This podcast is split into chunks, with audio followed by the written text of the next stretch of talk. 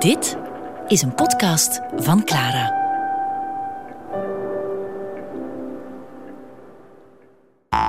Rubens.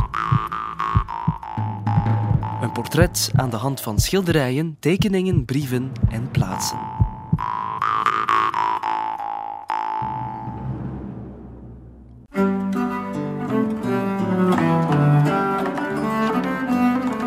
Atelier van Rubens vormt natuurlijk een hoofdstuk apart in onze reeks.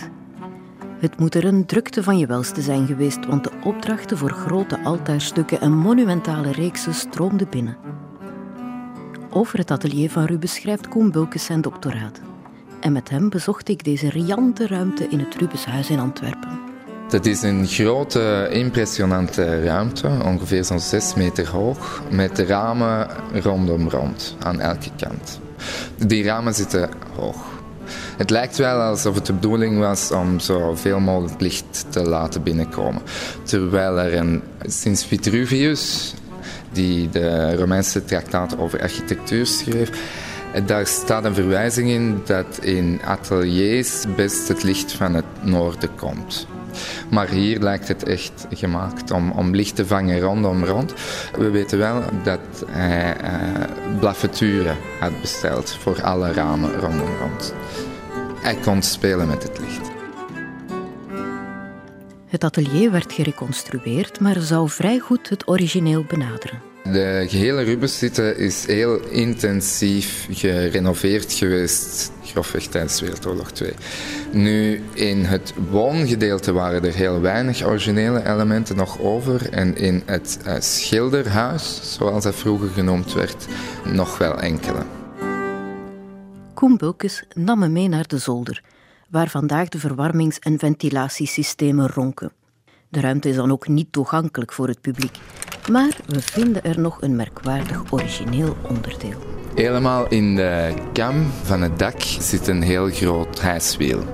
Dit wiel van wel anderhalve meter diameter behoorde tot de uitrusting van het gestroomlijnde atelier. Dus er zat een heel systeem achter, dat moest een goed geoliede machine zijn, waarbij dat gebouw en de infrastructuur een uh, belangrijke rol speelden. Nu, op het tweede verdiep maakte Rubens kleinere werken. De grootte is altijd iets, iets, iets relatief bij Rubens. Wat voor Rubens een klein werk is, zou bij iemand anders groter zijn. En het wiel diende naar alle waarschijnlijkheid om schilderijen, maar ook lege panelen of doeken van het gelijkvloers op te hijsen naar het tweede verdiep. Dus dat zou zeggen dat er, uh, dat er ooit een lak was in de vloer van, uh, van de verdieping.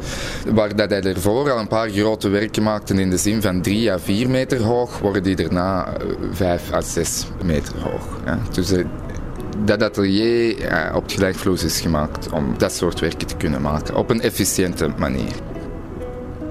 Er is een, een bekend Italiaans kunsthistoricus Vasari en hij beschrijft een concept prestezza.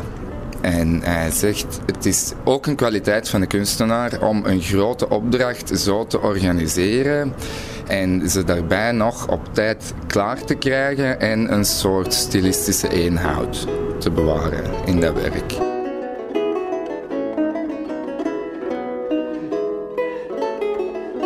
Terug beneden in het atelier stonden we stil bij het schilderij De Slag bij Ivry. Het schilderij vormde deel van een reeks die de veldslagen en verwezenlijkingen van Hendrik IV uitbeelde, koning van Frankrijk. Rubens begon deze reeks als tegenhanger van zijn grote cyclus voor de Franse koningin Maria de Medici. De reeks over het leven van haar vermoorde man, Hendrik IV, bleef echter onvoltooid. En Rubens staakte ook het werk aan het schilderij De Slag bij Ivry. Zo'n onvoltooid werk is interessant omdat dat ons een idee geeft uh, hoe Rubens zijn werk schilderkundig opbouwde. Uh, we zien bijvoorbeeld links onderaan een man die op de grond gevallen is, waarvan de contouren zijn aangegeven met zwierige uh, bruine penseelstreken in een lopende verf.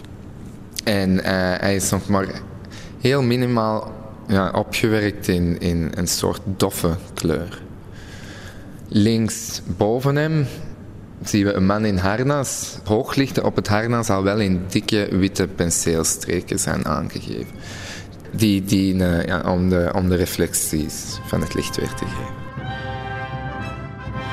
Het bovenste gedeelte van het schilderij eh, in, in zijn huidige toestand, want we zien eigenlijk maar de onderste helft van het schilderij dat eigenlijk veel groter was.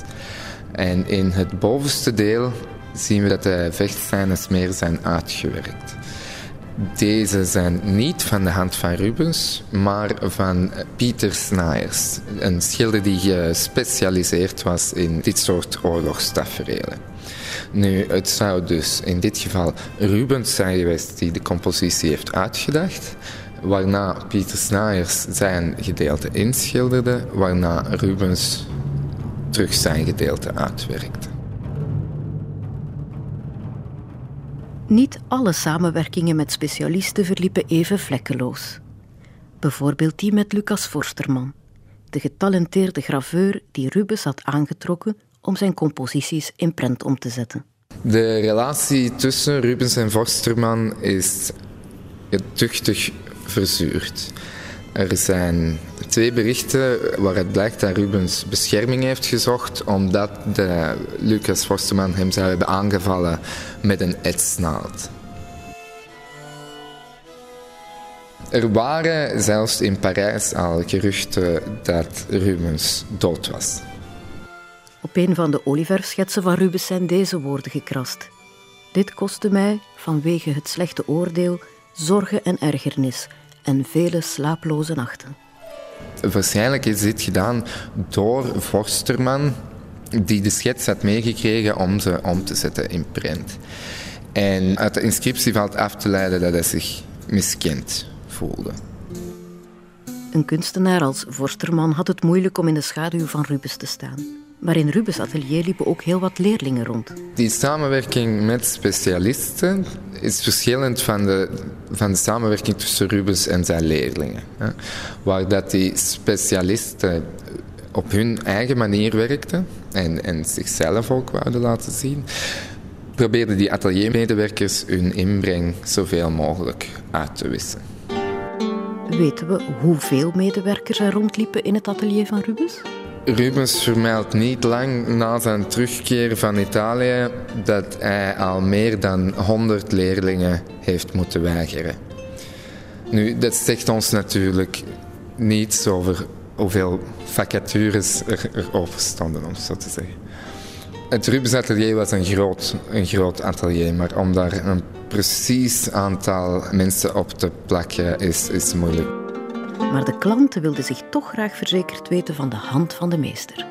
Door die kwaliteitsverschillen die er soms waren tussen het werk van Rubens en dat van zijn medewerkers, werd er in sommige contracten vastgelegd dat bepaalde delen echt wel van de hand van Rubens zelf moesten zijn.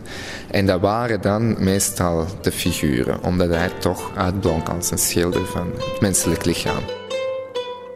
In het atelier kwamen ook de vele monumentale altaarstukken tot stand waarmee Rubens bijdroeg tot het reveil van de katholieke kerk in de zuidelijke Nederlanden. Over Rubens en de contra-reformatie gaat het in de volgende aflevering.